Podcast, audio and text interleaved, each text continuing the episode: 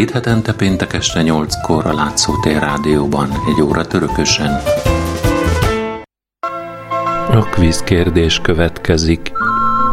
Hol előzi meg az elkülönítő a lezárt küldemény tartalmát, és mindkettőt a gerezdett termő?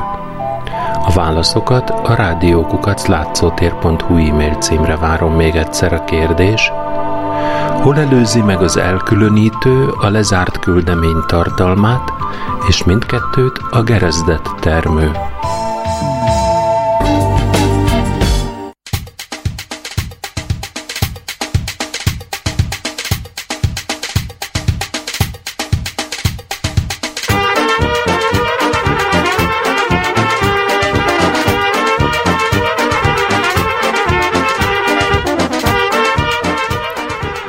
Az orosz irodalom kezdeteiből válogatott prózai művek közül a legutóbbi törökösenben magyar Mózes legendáját, majd Alexander Nyevsky a jégmezők lovagjának legendáját hallhattátok, bár négy történetet ígértem, a harmadikat sem sikerült végigmesélnem.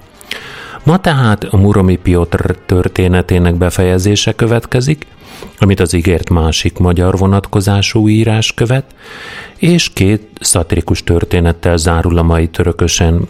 Előbb egy per tárgyalását hallhatjátok, majd egy a tisztességért küzdő asszony szatirikus mese formájában elmondott történetét fogjátok hallani.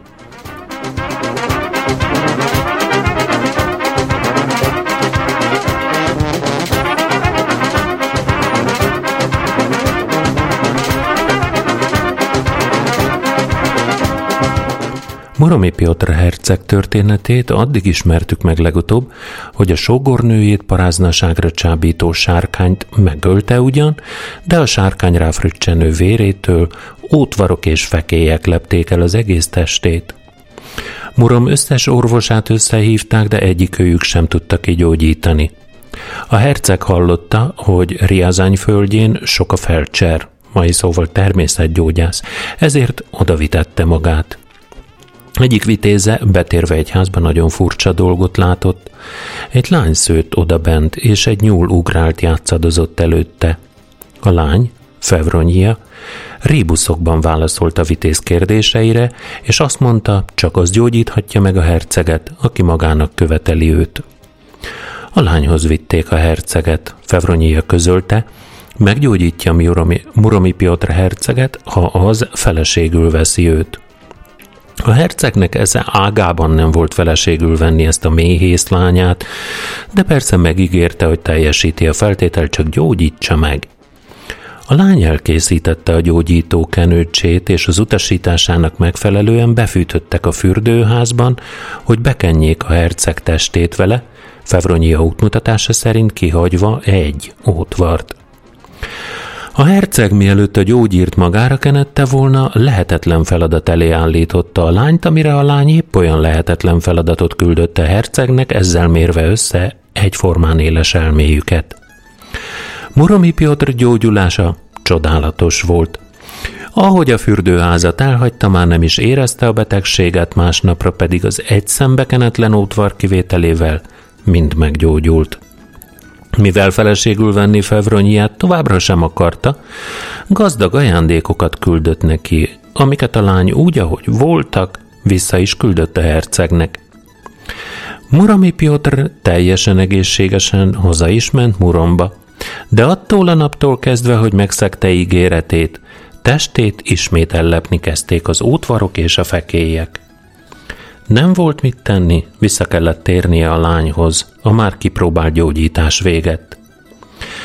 Eljutottak Fevronia házához, s bármennyire szégyenletes is volt a hercegnek, megint arra kérte a lányt, hogy gyógyítaná meg. Fevronia egy csepet sem neheztelve így szólt. Ha a herceg a férjem lesz, akkor felépül. Piotr erre már becsület szóval fogadta, hogy feleségül veszi a lányt. Fevronya épp úgy, mint először, kovászt adott neki, és megparancsolta, hogy a herceg gyógyítsa magát, ahogy előbb tette. Piotr ekkor teljesen meggyógyult, és elvette feleségül Fevronyját. Ilyen formán lett a méhész lányából hercegné. Együtt értek vissza a herceg fejedelemségébe, Muromba, ahol istenfélő életet élve megtartották az Isten parancsolatait. Amikor nem sokára Pavel fejedelem meghalt, Piotr lett városának teljhatalmú uralkodója. A murami bojárok nem szerették Fevronyiát, engedve asszonyaik uszításának, akik gyűlölték a fejedelem asszonyt póri származásáért. De a nép körében a jó cselekedetei Fevronyiát híressé tették. Egyszer az udvarhoz közel álló egyik bojár felkereste Piotrot, hogy összeveszejtse őt feleségével, és ezért így szólt. Hiszen még a fejedelmi asztaltól sem kell felillendően, mielőtt felállna, mint az éhező, összegyűjti az abroszról a morzsákat. Piotr maga is meg akar győződni erről, és ezért egyszer megparancsolta, hogy a fejedelem asszonynak terítsenek ő mellé. Amikor az ebéd végéhez értek, Fevronyi a morzsákat tenyerébe söpörte, mint ahogyan gyerekkorában megszokta.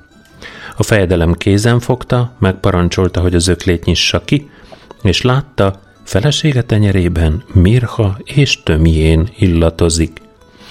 Ettől a naptól kezdve már nem tette őt többé próbára. Eltelt egy kis idő, s ekkor haragos és lázongó bojárok keresték fel a fejedelmet. Piotr fejedelem, mi hűségesek akar, hűségesen akarunk téged egyeduralkodónkat szolgálni, de nem akarjuk, hogy Fevronyi legyen hitveseink fejedelem asszonya. Ha meg akarod tartani trónodat, akkor védj feleségül egy hercegnőt. Fevronyiát meg gazdagon ajándékozd meg, s hadd menjen, ahová csak akar. Piotr fejedelem nyugodt természetű volt, ezért harag és dű nélkül válaszolt a bojároknak. Mondjátok ezt meg Fevronyiának magatok, s halljuk, mit szól erre. A lázongó bojárok, elveszítve minden szégyenérzetüket, lakomát rendeztek, s amikor már jól lerészegettek, nyelvük megoldódott, és a fejedelemasszonyról becsmérlően és ostobán nyilatkoztak, úgy ugattak, mint az ebek, kételkedtek csodálatos gyógyító képességével, amelyel Isten megajándékozta nem csak életében, hanem holta után is. A lakoma vége felé a fejedelem és fejedelemasszony köré gyűltek, és így beszéltek. Fevronyia, fejedelemasszony, az egész város és valamennyi bojár nevében szólunk hozzád. Add meg nekünk azt, amit kérünk tőled. Fevronyia így felelt. Vegyétek, amit kértek. A bojárok ekkor kórusban kiáltozni kezdtek. Valamennyien azt akarjuk, hogy Piotr fejedelem legyen az uralkodónk, de az asszonyaink nem akarják, hogy te kormányozd őket. Vegyél magadhoz annyi kincset, amennyit csak akarsz, s menj el bárhová. Fevronyia így válaszolt nekik. Megígértem, hogy megkapjátok azt, amit kértek. Most ti ígérjétek meg, hogy megkapom, amit kérek tőletek. A nehézkes észjárású bojárok megörültek gondolván, hogy könnyen megúszszák a dolgot és megesküdtek. Bármit is kérsz, vonakodás nélkül megadjuk neked. A fejedelem asszony ekkor így szólt. Semmi sem kell tőletek, csak a férjem, Piotr fejedelem. Gondolkodtak a bojárok, aztán így szóltak. Ha Piotr fejedelem maga is így akarja, akkor egy szóval sem mondunk ellent. Gonosz lelküket az az ördögi gondolat világította meg, hogy ha Piotr fejedelem elmegy Fevronyiával, akkor a helyébe más uralkodót lehet ültetni, és titokban mindegyikük maga remélte, hogy fejedelem lehet. Piotr fejedelem nem tudta megszegni Isten parancsolatát az uralkodás kedvéért, hiszen meg vagyon írva, ha valaki elűzi az ő feleségét, aki nem paráználkodott, és mást vesz feleségül, az maga lészen parázna. Piotr fejedelem ezért lemondott az uralkodásról. A bojárok nagy hajókat készítettek elő a számára, mivel murom alatt folyik az oka, Piotr fejedelem ezeken a hajókon hitvesével együtt elhajózott. Környezetükben volt egy ember a feleségével, az ördögtől megkísértetve ez az ember nem tudott Fevronyiára pillantani. Rossz gondolatai miatt zavarban volt. Fevronyia kitalálta a gondolatait, és egyszer csak azt mondta neki. Meríts a hajónak ezen az oldalán vizet, és idd meg. Az ember így cselekedett. Most meg a másik oldalon meríts, és így áll. Az ember ismét ivott. Nos, milyen volt? Egyforma ízű, vagy az egyik víz édesebb volt a másiknál? A víz ezen az oldalon is, víz a túlsón is. A női természet is egyforma. A magad feleségéről elfeledkezve miért jár az eszed idegen asszonyon? Bolyár megértette, hogy Fevronyia a mások gondolataiban olvas, és ezért többé nem merte átengedni magát bűnös szándékainak. Egész nap hajóztak estig, amikor eljött az ideje, hogy éjszakázni kikössenek a parton. Piotr fejedelem kilépett a partra, és sétálás közben azon gondolkodott. Mi lesz most velünk? Nem feleslegesen fosztottam-e meg magad a trónomtól? A jövőbe látó Fevronyia kitalálta gondolatait, és így szólt hozzá. Ne szomorkodj, fejedelem, a könyörületes Isten elrendezi a mi sorsunkat, nem hagyja, hogy megalázzanak bennünket. A szolgák ott a parton előkészítették a fejedelmi vacsorát, kivágtak néhány fát, és a szakács két göcsörtös könyökfára felakasztotta a kondérokat. Vacsora után Fevronyia fejedelemasszony elmente könyökfák mellett, és megáldva azokat is, így szólt. Reggelre lombos fák nőjenek ki belőlük. Így is történt. Reggel felkeltek, s látják, hogy a lenyesett ágak helyén zúgó koronájú hatalmas fák állnak. Az emberek már épp arra készülődtek, hogy összeszedjék a sátrakat és a felszerelést, és felrakják a hajókra, amikor lovas küldöncök érkeztek Muromból kérést tolmácsolva a fejedelemnek. Urunk fejedelmünk, az egész város nevében szólunk, ne hagyj el bennünket árváidat, hanem térj vissza a trónodra. A lázongó muromi főurak egymást kaszabolták le, mert mindegyikük fejedelem akart lenni, és ezért kard, kardáltal pusztultak el. Az életben maradt bolyárok és az egész nép könyörögve kér, fejedelem, uralkodunk, bocsáss meg nekünk, hogy megharagítottunk. A gonosz bolyárok azt mondták neked, hogy nem tűrik Fevronia uralmát asszonyaikon. Ők már elpusztultak, mi pedig egységesen téged és Fevroniát akarunk uralkodónknak.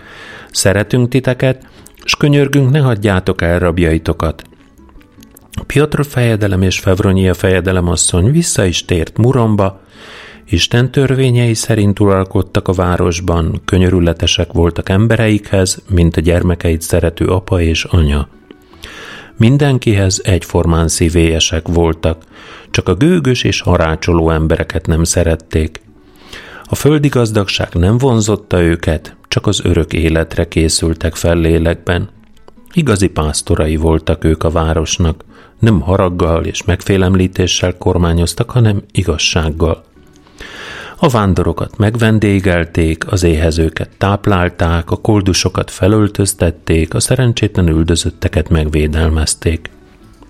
Amikor életük beteljesült, azért könyörögtek Istenhez, hogy egy és ugyanazon órában költözzenek a jobbik világba.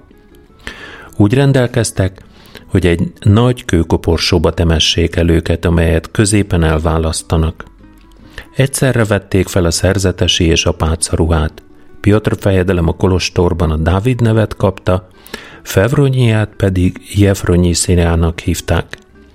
Közvetlenül az elmúlás előtt Fevronyia fejedelem asszony egy terítőt hímzett a szentek képével a székes egyház fejedelmi kelje alá. Felvéve a szerzetességet, Piotr fejedelem, akit most már Dávidnak neveztek, üzenetet küldött a fejedelem asszonynak. Ütött az utolsó órám, de megvárlak, hogy együtt hagyjuk el ezt a világot. A fejedelem asszony így válaszolt. Uram, várj meg, rögves befejezem a Szent templom részére a terítő himzését. Másodszor is üzent neki a fejedelem. Nem tudok sokáig várni. Aztán harmadszor is üzent a fejedelem. Eltávozom ebből a világból, nem tudok tovább várni.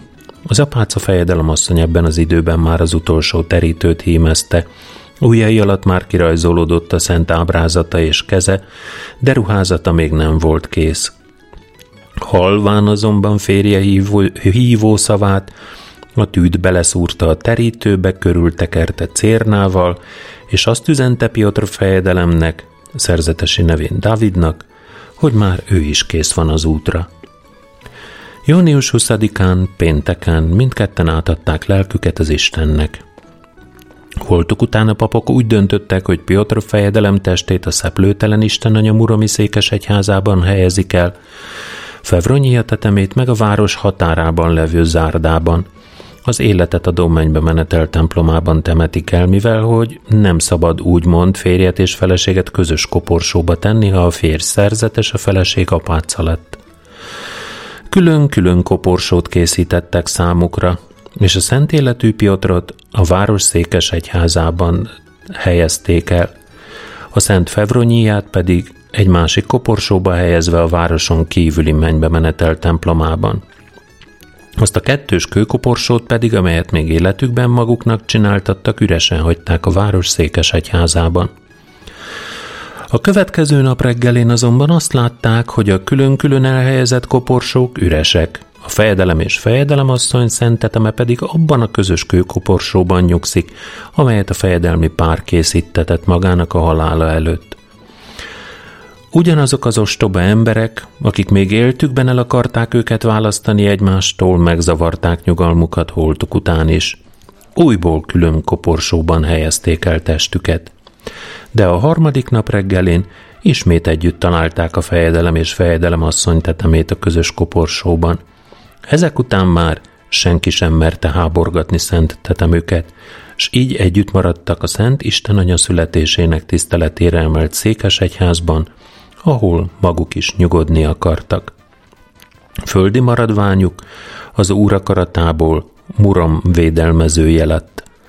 Bárki, aki hittel keresi fel a tetemüket rejtő szarkofágot, meggyógyul.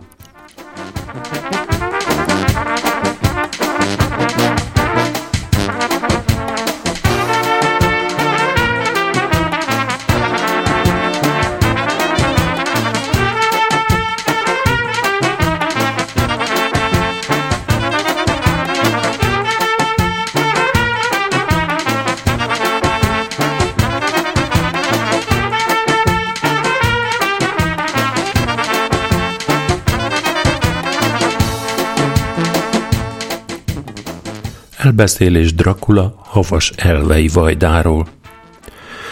Havas elve földjén egy görög hitű keresztény ember volt a vajda, aki Drakulának hívtak. Ez román név, oroszul ördögöt jelent. Dracula kegyetlen volt, amilyen a neve, olyan volt élete is. Egyszer felkeresték a török szultán követei. A vajda elé járultak, s a maguk szokása szerint meghajoltak előtte, de turbányukat nem vették le. Dracula e szavakkal fordult a követekhez. Miért viselkedtek így? Nagy uralkodóhoz jöttetek és megsértettetek engem. A követek így válaszoltak. Országunkban fejedelem ez a szokás. Erre Dracula így szólt. Ám legyen, megerősítem törvényeteket, hogy szigorúan betartsátok, és azzal a turbánokat apró szegekkel a követek fejéhez szegeztette. Majd útjukra bocsátotta őket, mondván, menjetek és mondjátok meg uralkodótoknak, lehet, hogy ő eltűri tőletek ezt a sértést, de én nem szoktam hozzá. Ne kényszerítse át szokásait más uralkodókra, akiknek azok nem kellenek. Tartsa meg szokásait a saját országában. A szultán nagy haragra gerjedt, és hatalmas sereggel háborút indított havas elve ellen. Dracula annyi embert szedett össze, amennyit csak tudott, és az éj közepén rárontott a török táborra. Sok törököt megölt, de kis seregével nem tudta legyőzni a hatalmas ármádiát, és visszavonult. Reggel szemlére állította a csatából visszatért sereget.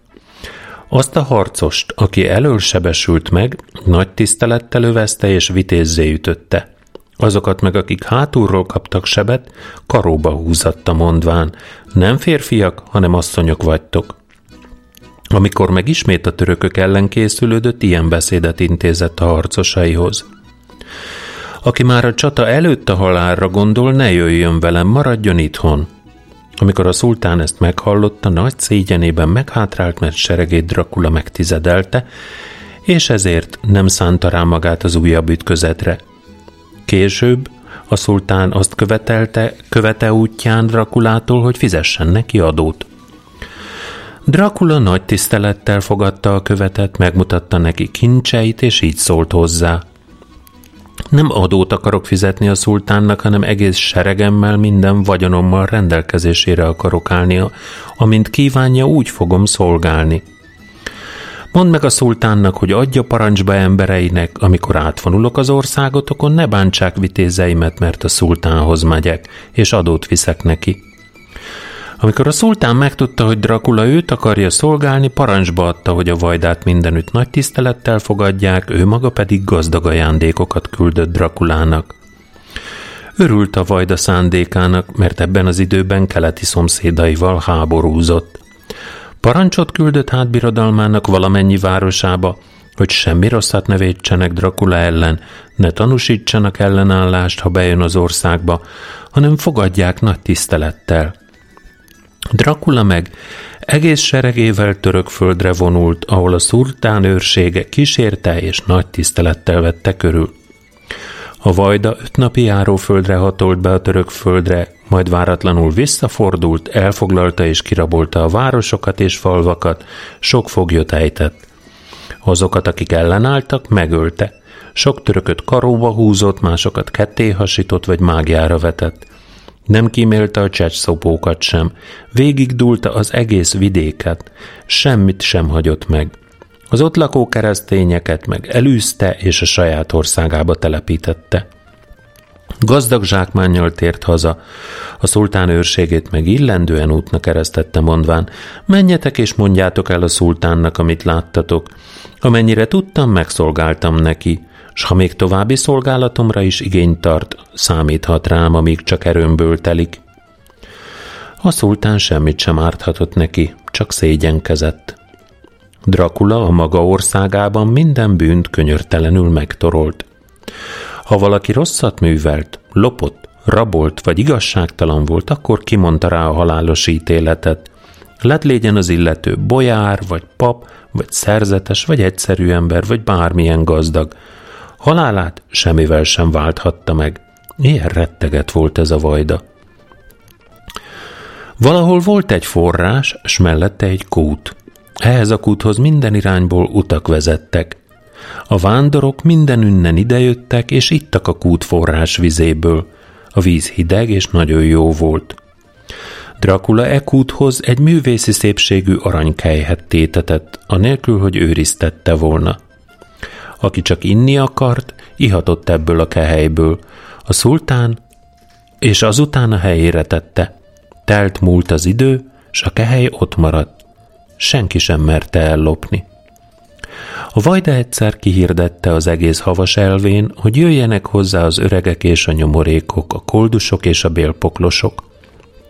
Megszámlálhatatlanul sok nyomorék és koldus gyűlt össze abban a reményben, hogy a vajdától alamizsnát kapnak. Dracula parancsára valamennyi őket beterelték egy erre a célra épített nagy hodályba, és ott megvendégelték őket. A szerencsétlenek ettek, ittak, vigadoztak, azután maga Dracula is felkereste őket, és megkérdezte tőlük. Mit kívántok tőlem? Azok meg így válaszoltak. Ami Istennek és fenségednek tetszik, tégy velünk úgy, amiként Isten sugalmazza neked. Dracula megkérdezte. Akarjátok-e, hogy megszabadítsalak benneteket minden földi szomorúságtól és inségtől? A nyomorultak azt gondolták, hogy a vajda nagyon irgalmas lesz, ezért kórusban felelték. Akarjuk, uralkodó! A Dracula erre megparancsolta, hogy zárják be a hodályt és gyújtsák fel. Valamennyien bennéktek. Ekkor a vajda így szólt bolyárjaihoz. Tudjátok meg, hogy miért tettem ezt? Először is azért, hogy ne zaklassák a népet panaszaikkal, és országomban senki se legyen szegény, csak gazdag. Másodszor megváltottam őket szenvedésüktől, a nyomortól és súlyos betegségüktől. Egyszer valahogy a magyar földről két katolikus szerzetes kereste fel Drakulát a mizsnáért. A vajda külön-külön szobában helyezte el őket, azután magához hívatta az egyik szerzetest, megmutatta neki a palotája körül kivégzetteket, karóba húzottakat vagy kerékbetörteket, és megkérdezte – Helyesen cselekedtem é, és mi a véleményed azokról, akiket karóba húzattam? A szerzetes így válaszolt. Nem, uram, te gonosz dolgokat művelsz, kegyetlenül gyilkolod az embereket, pedig az uralkodónak irgalmasnak kell lennie. Azok, akiket karóba húzattál, mártírok. A vajda ezután a másik szerzetest hívatta magához, és ugyanazt kérdezte tőle. A szerzetes így válaszolt. Te Istentől felkent uralkodó vagy, éppen azért, hogy a gonosztevőket kiírsd, s az arra méltókat megjutalmazd, ezek a gonosztevők csak méltó büntetésüket nyerték el tettükért. Dracula ismét magához hívatta az első szerzetest, és így szólt hozzá. Miért hagytad el celládat és kolostorodat, miért járod a nagyuralkodók udvarait, ha semmit sem értesz a világi dolgokhoz? Lám azt mondtad, hogy ezek itt mártírok. Ha így van, téged is a mártírok közé akarlak sorolni, és megparancsolta, hogy ezt a szerzetest is húzzák karóba. A másik szerzetesnek meg 500 aranydukátot adott, és így dicsérte meg. Te értelmes ember vagy. Azután nagy tisztelettel kísértette el a magyar földig. Egyszer egy gazdag kereskedő érkezett a magyar földről Dracula városába. A vajda megparancsolta neki, hogy áruval megrakott szekerét hagyja az utcán, az előtt a ház előtt, amelyben éjszakai pihenőre tér. Éjjel valaki 160 dukátot ellopott a szekérről. A kereskedő panaszával Drakulához fordult. A vajda megnyugtatta. Reggelre visszakapott dukátjaidat. Megparancsolta, hogy az egész városban keressék a tolvajt, és mindenkit megfenyegetett. Ha a tolvaj nem kerül kézre, akkor az egész várost elpusztítom. Amíg a tolvajt keresték, Dracula a kereskedő szekerére tétette a hiányzó 160 dukátot, sőt, még meg is toldotta egyel. Másnap reggel, alig hogy felvirrant, a kereskedő a szekeréhez ment és megtalálta az aranyakat. Számolja, s látja, hogy egyel még több is van, mint volt. Megint megszámolja, de az eredmény ugyanaz lett. Elment hát Drakulához, és közölte vele. Uralkodó, ma megtaláltam a pénzemet, sőt, pénzes zsákomban a 160 dukáton felül van még egy felesleges dukát is, ami nem az enyém. Közben a megtalált tolvajt elővezették a lopott pénzzel. Dracula elbocsátotta a kereskedőt, s búcsúzóul így szólt hozzá. Menj békével. De ha nem, vol- nem mondtad volna meg, hogy egyel több dukátot találtál, akkor bizony ezzel a tolvajjal együtt húzattalak volna karóba. Egyszer országjáró útján Dracula meglátott egy szakadozott ócska inget viselő szántóvetőt, akitől megkérdezte. Van feleséged? Van, uralkodó felelte a paraszt. Erre Dracula megparancsolta. Hozd a házamba, látni akarom. Mikor meglátta, hogy az asszony egészséges és fiatal, megkérdezte a szántóvetőt. Mi az, talán nem vetettél lent? Van nekem lenne uralkodó, bőségesen felelte a szántóvető, és megmutatta a lenkötegeket. Méregbe kurult erre a vajda, és így szólt az asszonyhoz. Hogy, hogy te lustálkodsz és nem gondoskodsz a férjedről? Az ő dolga az, hogy száncson, vessen és téged eltartson, a te kötelességed meg, hogy tiszta és díszes öltözéket készíts férjednek. Egészséges vagy, és még egy inget sem szőttél neki. A te bűnöd, hogy ilyen rongyokban jár. Ha a férjed nem vetett volna lent, akkor ő lenne a bűnös. Ezután levágatta az asszony kezeit, őt magát meg karóba húzatta. Egy másik alkalommal a kivégzések után megparancsolta, hogy ebédjét a karóba húzottak teteme mellett szolgálják fel, mintha így jobban esett volna neki az étel és ital. Az ételt felszolgálók egyike nem bírta elviselni a hullaszagot, befogta az orrát és elfordult a kivégzettektől. Dracula megkérdezte tőle. Mi van veled? Uralkodó, nem bírom elviselni ezt a bűzt, felelte a szolga. Erre Dracula őt is karóba húzatta. A karó magasba emel, és a bűz így nem jut el hozzád. Egy másik alkalommal Mátyás magyar király követe, egy lengyel származású főúr kereste fel Drakulát. A vajda maga mellé ültette ebédelni, a kivégzettek között, és egy hosszú, aranyozott karót készítetett elébe, majd megkérdezte tőle. Kitalálod-e, hogy miért készítettem ide ezt a karót? Megijedt a követ, és így felelt.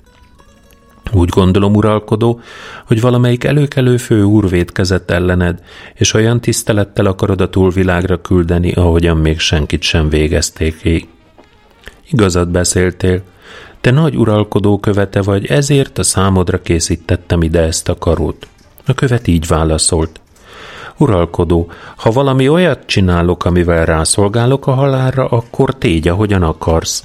Hisz te igazságos bíró vagy, magam leszek halálom okozója. Elnevette magát Dracula, és így szólt. Ha nem így, hanem kihívóan viselkedtél volna, akkor esküszöm, ezen a karón ülnél. Azután bőkezően megjutalmazta a követet, és tisztelettel útjára bocsátotta. Éppen neked kell a nagy uralkodó követeként más uralkodókat felkeresned, mert jól tudsz velük beszélni. Más követ nem merjen hozzám jönni, amíg meg nem tanulja, hogyan illik a nagy uralkodókkal tárgyalni. Bárhonnan is kereste fel valamely cár vagy király követe, ha nem tudott ügyesen tárgyalni és a vajda fondorlatos kérdéseire megfelelni, akkor Dracula karóba húzatta, és így búcsúzott tőle. Nem én vagyok az okozója a halálodnak, hanem uralkodód vagy te magad. Ezért hát ne is átkozz engem, ha uralkodott tudta, hogy tanulatlan és ostoba vagy, és mégis elküldött hozzám a bölcsuralkodóhoz, akkor ő is pusztított el téged. Ha meg magad vállalkoztál erre a szolgálatra, mit sem értve ehhez a feladathoz, akkor önmagad vagy végzet okozója. Ilyen volt Dracula szokása. A vajda parancsára a mesterek vashordókat készítettek, megtöltötték aranyjal, beforrasztották, azután egy folyó fenekére sűjesztették. Ezután Dracula nyomban lenyakasztatta ezeket a mestereket, nehogy valaki is tudjon kincséről, kivéve Druszáját, az ördögöt. Amikor Mátyás magyar, király háborút indított a Vajda ellen, Dracula elébe ment seregével, megküzdöttek. A király Drakulát élve fogjulejtette, a Vajdát saját emberei árulták el. Drakulát a királyhoz vezették, aki tömlöcbe záratta, Budától északra, a Dunamenti Visegrád tömlöcében töltött 12 évet. Havas elvén meg a király másik vajdát ültetett a trónra. Amikor ez a vajda meghalt, a király Drakuláért küldött a tömlöcbe, hogy visszaadja trónját azzal a feltétellel, hogy Drakula áttér a katolikus hitre, mert ha nem, akkor élete végéig rabságban marad. Drákula mindig jobban szerette a földi élet múló gyönyöreit, mint az örök élet végtelen boldogságát, s ezért elhagyta hitét, elárulta a pravoszláv egyházat, a fényből a sötétségbe merült, s mert nem akarta tűrni a börtön múló kínjait, inkább örök gyötrelemre kárhoztatta magát.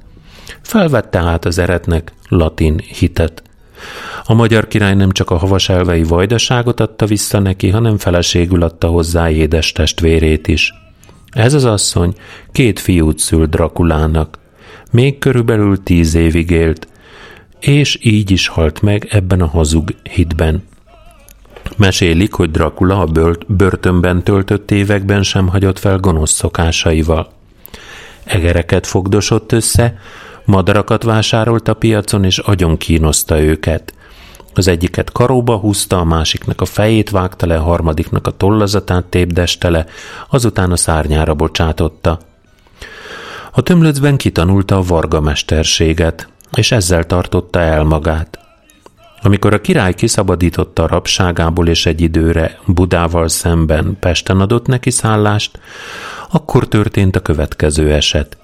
Még mielőtt a király fogadta volna, Dracula házának udvarán elrejtőzött egy bizonyos gonosztevő. Üldözői berontottak az udvarba, ahol megkeresték és elfogták ezt az embert. Ekkor Dracula, kijöve a házból, kivonta kardját és levágta a gonosztevőt, megragadó őr fejét. Ezt látván a többi üldöző elfutott. Dracula meg szabadon engedte a gonosztevőt.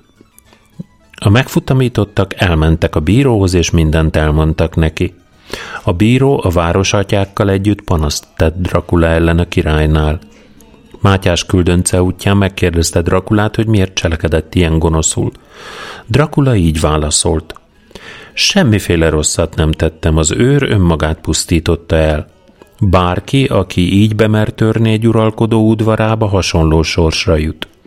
Ha te magad jöttél volna el hozzám, s megtaláltam volna udvaromban a gonosztevőt, akkor kiszolgáltattam volna őt neked, hogy ne irgalmazz meg neki. Amikor a királynak átadták ezt az üzenetet, az csak nevetett és csodálkozott Dracula véleményén. A vajda halála pedig így történt. Havas elve földjére betörtek a törökök, raboltak, foglyokat ejtettek. Dracula rárontott a török seregre, azok megfutamodtak, a vajda meg üldözte és kegyetlenül aprította őket. Dracula diadalmasan felugratott egy magas hegyre, és onnan nézte, hogyan kaszabolják vitézei a törököket. Amikor kíséretéből eltávolodott, saját seregének vitézei töröknek vélték, rárontottak, s közülük valaki ledöfte kopjájával. Dracula megdühödvén öt harcos kardélre hányt, de mert ellenei sokan voltak, végül is kopjákkal felnyársalták. A király ezután testvérét annak két fiával együtt visszavittette Magyarországra. Az egyik ma is él, a királyfi udvaronca, a másik meg a nagyváradi püspökhöz került, és akkor halt meg, amikor Budán voltunk. Láttuk Dracula harmadik legidősebb fiát Mihályt is, itt Budán. Még a Vajdának a király húgával kötött házasságát megelőzően született ez a fiú Drakulának valamilyen lányjal történt nászából. A török szultántól menekült most ez a fiú a királyhoz. Dracula pusztulása után Stefan Moldvai Vajda a király hozzájárulásával az egyik Vajda Vlad nevű fiát ültette havas elve trónjára. Ez a Vlad fiatal korától szerzetes, majd pap és az egyik kolostor főnöke volt. De azután felhagyott a szerzetesi élettel, megnősült és vajda lett. Annak a vajdának az özvegyét vette feleségül, aki rövid ideig Dracula után uralkodott, amíg a moldvai Stefán meg nem ölte. S most is ez a Vlad nevű szerzetes és Archimandrita havaselve földjének a vajdája. Ezt az elbeszélést első fogalmazásban 1486. február 13-án írta Jefroszin, majd ugyancsak ő dolgozta át 1490. január 28-án.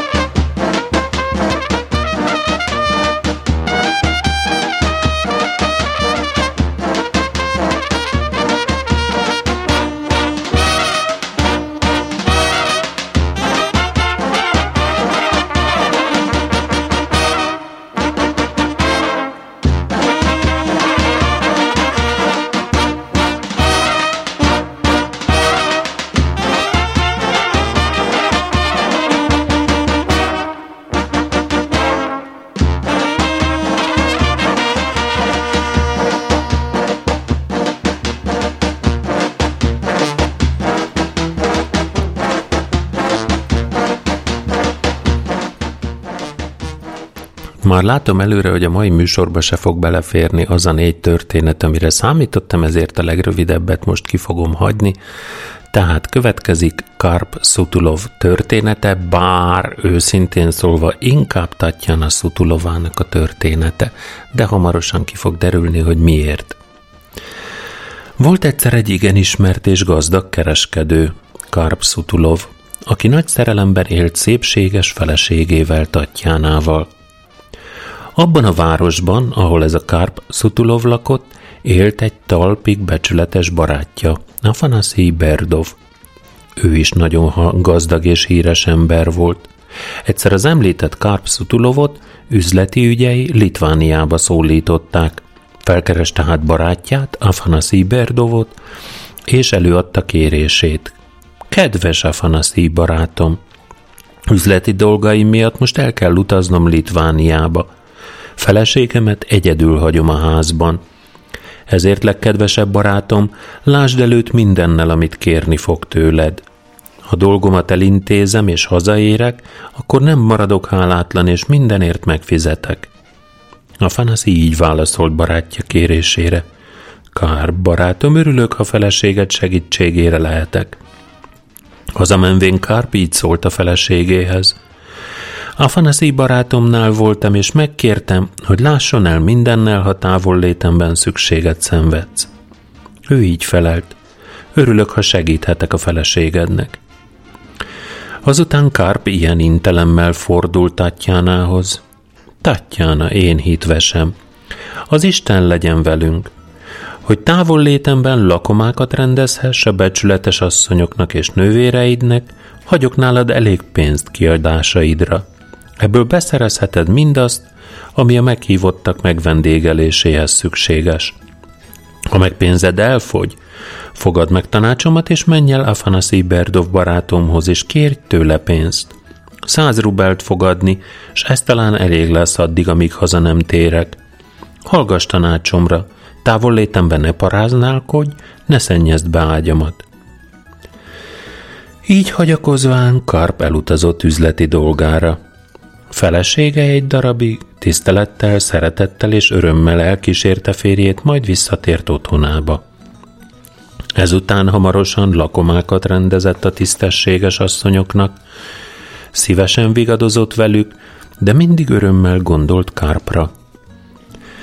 S így élt sokáig, férje távol létében, elköltve a tőle kapott pénzt. Már három éve is elmúlt annak, hogy Karp Szutulov elutazott.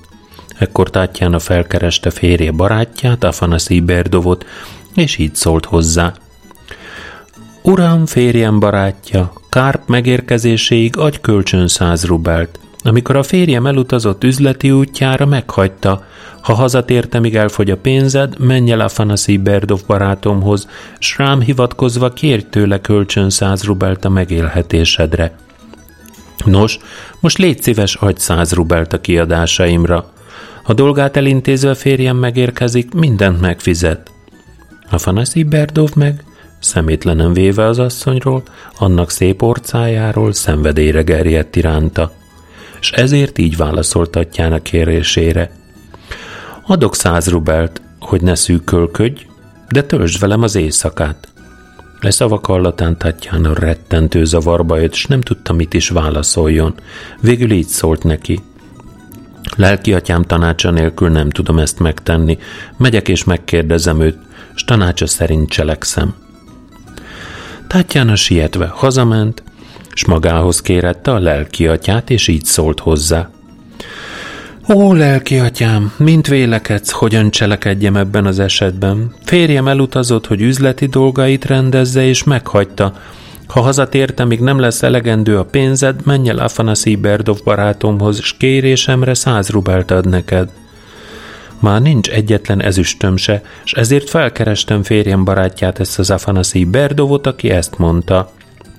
Megkapod a száz rubelt, csak maradj itt és háj velem éjszaka s most nem tudom, mit évő legyek. Lelki atyám, a te engedelmed nélkül nem merem kérését teljesíteni.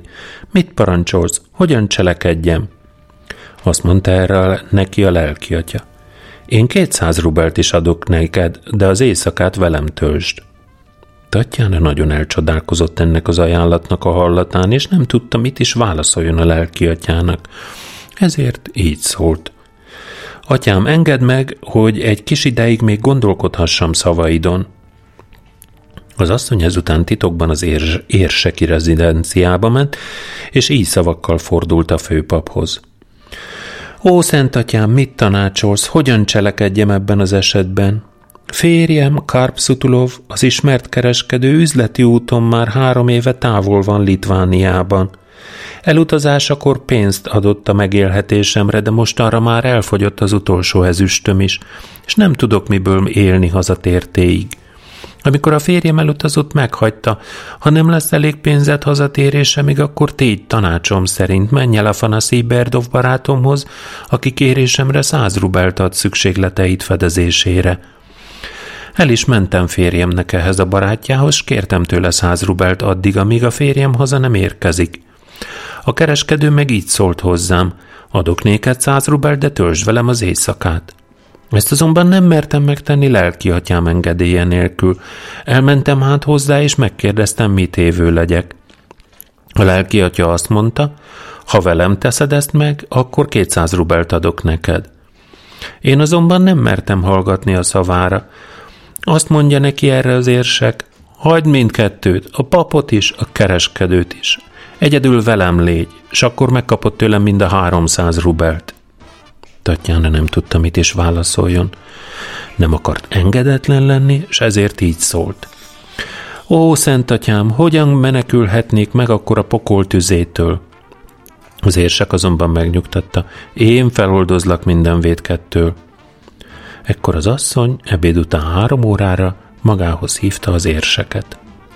Azután elment a lelki atyához, és meghagyta neki, hogy keresse fel délután hat órakor. Onnan férje barátjához, Afanasi Berdovhoz ment. Férjem barátja szólt hozzá, gyere el hozzám este tíz órára. S tessék, az érsek fel is kereste az asszonyt, s Tatjana nagy tisztelettel fogadta. A főpap meg, nagyon epekedve az asszony után átadta neki a háromszáz rubelt, és vele akart maradni. Ekkor Tatjana így szólt. Át kell öltöznöd a legviseltesebb gúnyába, mert nem illő, hogy abban a ruhában légy velem, amelyben a népek sokasága előtt Isten dicsőíted, majd ismét ebben a ruhában az Úr elé állsz. Az érsek ellenkezett. Senki sem lát meg ebben a ruhában. Miért töltsek magamra másikat, mikor senki sem láthat bennünket együtt? De az asszony nem engedett. Atyám, az Isten minden dolgunkat látja. Az emberek elől elrejthetjük útja, útjainkat, de ő mindent tud. Nincs szüksége a leleplezésre. És az Úr nem bottal támad rád és a rosszat vétőkre, hanem olyan embert küld ellened, aki bántani fog, megbecstelenít és kiszolgáltat más gonosztevőknek. Így beszélt Tatjana az érseknek, aki erre ezt mondta. Csak hogy úrnőm, nincs nálam más ruha olyan, amilyet a világi emberek viselnek. Talán nálad akad valamilyen gúnya a számomra? Az asszony a saját viseltes női ingét adta oda, az érseki öltözéket meg levetköztetvén vendégét egy ládába tette e szavak kíséretében. Ezen az ingen kívül nincs más ruha a házamban, mert amit a férjem hordott, azt odaadtam a mosónőnek. Az érsek még örült is a női ingnek, és felöltötte. Ugyan minek is kívánnék magamnak jobb ruhát, amikor veled akarok lenni? Az asszony válasza erre így hangzott. Ez meg lesz, de előbb még számoljunk el egymással. Közben Tatjana által megjelölt időben a kapujához ért a lelki atya magával hozva kétszáz rubelt, és kopogtatni kezdett. Az asszony meg sietősen kinézett az ablakon, összecsapta a két kezét, és felkiáltott. Áldott az úr, hogy ilyen nagy és mérhetetlen örömöt szerzett nekem? Az érsek megkérdezte. Mi történt, úrnőm, minek örülsz annyira? Tatjána így válaszolt. Az uram tért haza hosszú útjáról, már éppen vártam őt. Azt mondja erre az érsek. Úrnőm, hova legyek a szégyentől és a gyalázattól? Az asszony így felelt. Uram, mász be a ládába, és ülj ott, amíg alkalmas pillanatban ki nem engedlek. Az érsek gyorsan elrejtőzött a ládában, amelyet az asszony lezárt. Közben a pap már a tornácra ért, s Tatjana ott fogadta. A lelki atya átadta a kétszáz rubelt, és szerelmes szavakkal kezdte ostromolni az asszony, de az így szólt. Lelki atyám, hogyan kívánhattál meg? Egyetlen óráért mindketten gyötrődni fogunk az időknek végezetéig. De a pap erre így beszélt. Lelki gyermekem, ha valamilyen bűnnel magadra harakítod az Istent és lelki atyádat, akkor hogyan akarod Isten könyörületére bírni? Az asszony így felelt. Atyám, vajon te vagy az igazságosan ítélő bíró? Van-e hatalmat, hogy a mennyekbe vagy a poklokba küldj engem? Sokáig beszélgettek, de lám már a kapunál állt az asszony férjének barátja, a Fanaszei Betrov, a gazdag kereskedő. Kopogtatni kezd a kapun, az asszony meg fürgének is ablakhoz ugrott, kinézett rajta, és meglátva férje barátját, a gazdag kereskedőt két kezét összecsapva átment a szobán. A pap megkérdezte tőle, mondj gyermekem, ki áll a kapunál, és miért örülsz annyira? Tatjána így felelt. Lásd, atyám, az én örömömet, a férjem van itt, szememnek fénye megérkezett a hosszú útról. Azt mondja erre a pap. Ó, jaj, nekem, úrnőm, hová rejtőzzem a szégyen elől, de Tatjana megnyugtatja. Atyám, ne félj a szégyentől a haláltól, halálos bűnhöttől, reszkes. Egyszer meghalsz, akkor védkezvén, örök kínok között gyötörnek. Aztán a szobában lévő ládára mutatott. A pap ott állt egyetlen ingben, öv nélkül, az asszony ösztökélte, atyám, bújj bele abba a ládába, ha időm lesz, kiengedlek a házamból. A pap gyorsan elrejtőzött a ládában, amelyet az asszony rázárt, és azután a kapuhoz sietve beengedte a kereskedőt. Az bement vele a szobába, átadta a száz rubelt, Tatjana örömmel fogadta el a pénzt, a kereskedő meg szemétlesen véve az asszonyról csak nézte arcának kimondhatatlan szépségét, míg nem Tatjánára így szólt. Mit nézel állandóan, és miért dicsérsz engem? Talán bizony nem tudod, hogy egy bizonyos ember előtt sokan dicsérték a feleségét, az pedig nagyon gonosz volt? Az az ember így szólt akkor. Nem most dicsérjetek engem, hanem akkor, amikor megszabadulok tőle. A kereskedő így válaszolt. Úrnőm, ha eltelek és kielégülök szépségeddel, akkor hazamegyek. Tatjána nem tudva, hogyan tartsa magát távol a kereskedőtől, megparancsolta a szolgálójának, hogy menjen ki és kopogjon. A szolgáló ki is ment, az úrnője parancsára hangosan kopogni kezdett a kapun, Tatjána gyorsan az ablakhoz lépett, és így szólt. Ó, beteljesült szerelmem kimondhatatlan boldogsága, ó, szemem fénye, lelkem vágya, én örömöm. A kereskedő megkérdezte tőle, mi van veled, úrnő, miért örülsz annyira? Mit láttál az ablakban? Tatjána így válaszolt. A férjem érkezett meg üzleti útjáról. Ezeknek a szavaknak a hallatán a kereskedő fel, és lekezdett szaladgálni a szobában. És így siránkozott. Mond, úrnőm, hová rejtőzzem-e szégyen elől? Az asszony rámutatott a harmadik ládára, mondván, mász bele, aztán majd kiengedlek. A kereskedő gyorsan belebújt a ládába, az asszony meg rázárta a láda fedelét. Reggel az asszony bement a városba a Vajdához, és megkérte, hogy jöjjön ki hozzá. A Vajda megkérdezte, honnan jöttél te, asszony, és miért kérettél magadhoz? Tatjána így válaszolt. Uram, e város egyik kereskedőjének a felesége vagyok. Ismeredé uramat, férjemet, Szutulovot a gazdag kereskedőt. A Vajda így felelt. Jól ismerem a férjedet, hiszen híres kereskedő. Akkor az asszony így folytatta. Immáron három éve, hogy férjem üzleti ügyekben elutazott, és meghagyta, hogy városunk egyik kereskedőjétől, Afanaszij Berdovtól, férjem barátjától kérjek száz rubelt, ha majd elfogy a pénzem. Férjem elutazása után gyakorta vendégül láttam a tisztességes asszonyokat, s most már nincs egyetlen ezüstöm sem. El is mentem ahhoz az Afanaszij Berdovhoz, de nem találtam otthon. Ezért arra kért, kértem, ezért arra kérlek, adj nekem száz rubelt, és én három ládát hagyok nálad zálogban, megtömve drága és értékes ruhákkal. Vajda így szólt. Hallom, hogy rendes és gazdag kereskedő felesége vagy, ezért zálog nélkül is adok neked száz rubelt. Ha majd az Isten hazavezérlő férjedet, akkor visszaadja a kölcsön, de Tatjana csak hajtogatta a magáét. Az Istenért fogadd el tőlem ezeket a lándákat, mivel nagyon drága ruhákkal vannak tele. Nem szeretném, ha a tolvajok ellopnák tőlem. Akkor uram, ki jutna nekem a férjemtől? Azt fogja mondani, hazatérte, míg átadhattad volna a ládákat megőrzésre egy megbízható embernek. Ezt halván a vajda parancsot adott a három láda elhozatalára, mivel arra gondolt, hogy azok valóban drága ruhákat rejtenek. Az asszony a vajda öt emberével elment a ládákért, amelyeket leraktak a vajda házának udvarán. Amikor a ládákat kinyitották, az egyikben a vajda meglátta az egy szálinkben ülő kereskedőt, a másikban az öv nélküli inkbe bújtatott papot, a harmadikban meg magát az érseket öv nélküli női inkben. Ilyen illetlen öltözékben látva a ládák lakóit, a vajda elkacagta magát, és így szólt hozzájuk. Ki ültetett benneteket ide egy szálinkben? Majd megparancsolta nekik, hogy bújjanak ki a ládákból. Azok meg megszégyenítetten a bölcsasszonytól szinte holtádermedve térdre borultak a vajda előtt, és keservesen bőgtek vétkük miatt.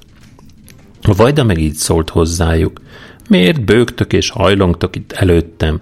Kövessétek meg ezt az asszonyt, akkor megbocsátja ostobaságotokat. S fülük hallatára megkérdezte Tatjánát. Mondd, asszony, hogy zártad be ezeket a ládákba? Tatjana elmesélte a vajdának, hogy a férje elment kereskedni, és meghagyta, hogy Afanaszék kereskedőtől kérjen száz rubelt, és amikor ezt megtette, akkor a kereskedő vele akart hálni, mindent elmondott a papról és az érsekről is, azt is, hány órára rendelte őket magához, és hogyan szedte rá, és csukta be őket a ládákba. A vajda mindezt halván elcsodálkozott, hogy milyen okos is ez az asszony, és meg is dicsérte, amiért nem szennyezte be férje ágyát. Aztán elnevette magát, és így szólt. Te jó asszony, zálogod megéri a pénzt. A vajda a kereskedőtől 500, a paptól 1000, az érsektől meg 1500 rubelt vasalt ki, aztán szélne keresztette őket. A pénzt megfelezte az asszonynal, megdicsérte erényességéért, eszéért, azért, mert férjére annak távollétében nem hozott szégyent, nem szeretkezett csábítókkal, megőrizte hűségét, nagy becsületet szerzett magának, és a hitvesi ágytisztaságát megóvta. A férj nem sokára megérkezett üzleti útjáról, Tatjána pedig szép sorjában elmondott neki mindent. Karp nagyon örült hitvese bölcsességének, s elégedett volt mindazzal, amit az asszony tett.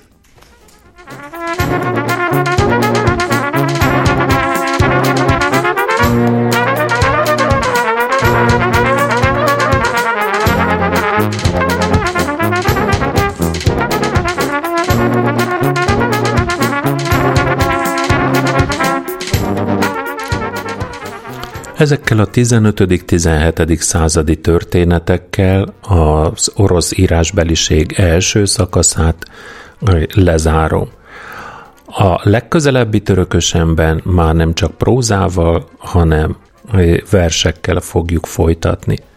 Addig pedig hétvége lévén tisztemnek megfelelően ezt a hétvégét ünnepélyesen elrendelem.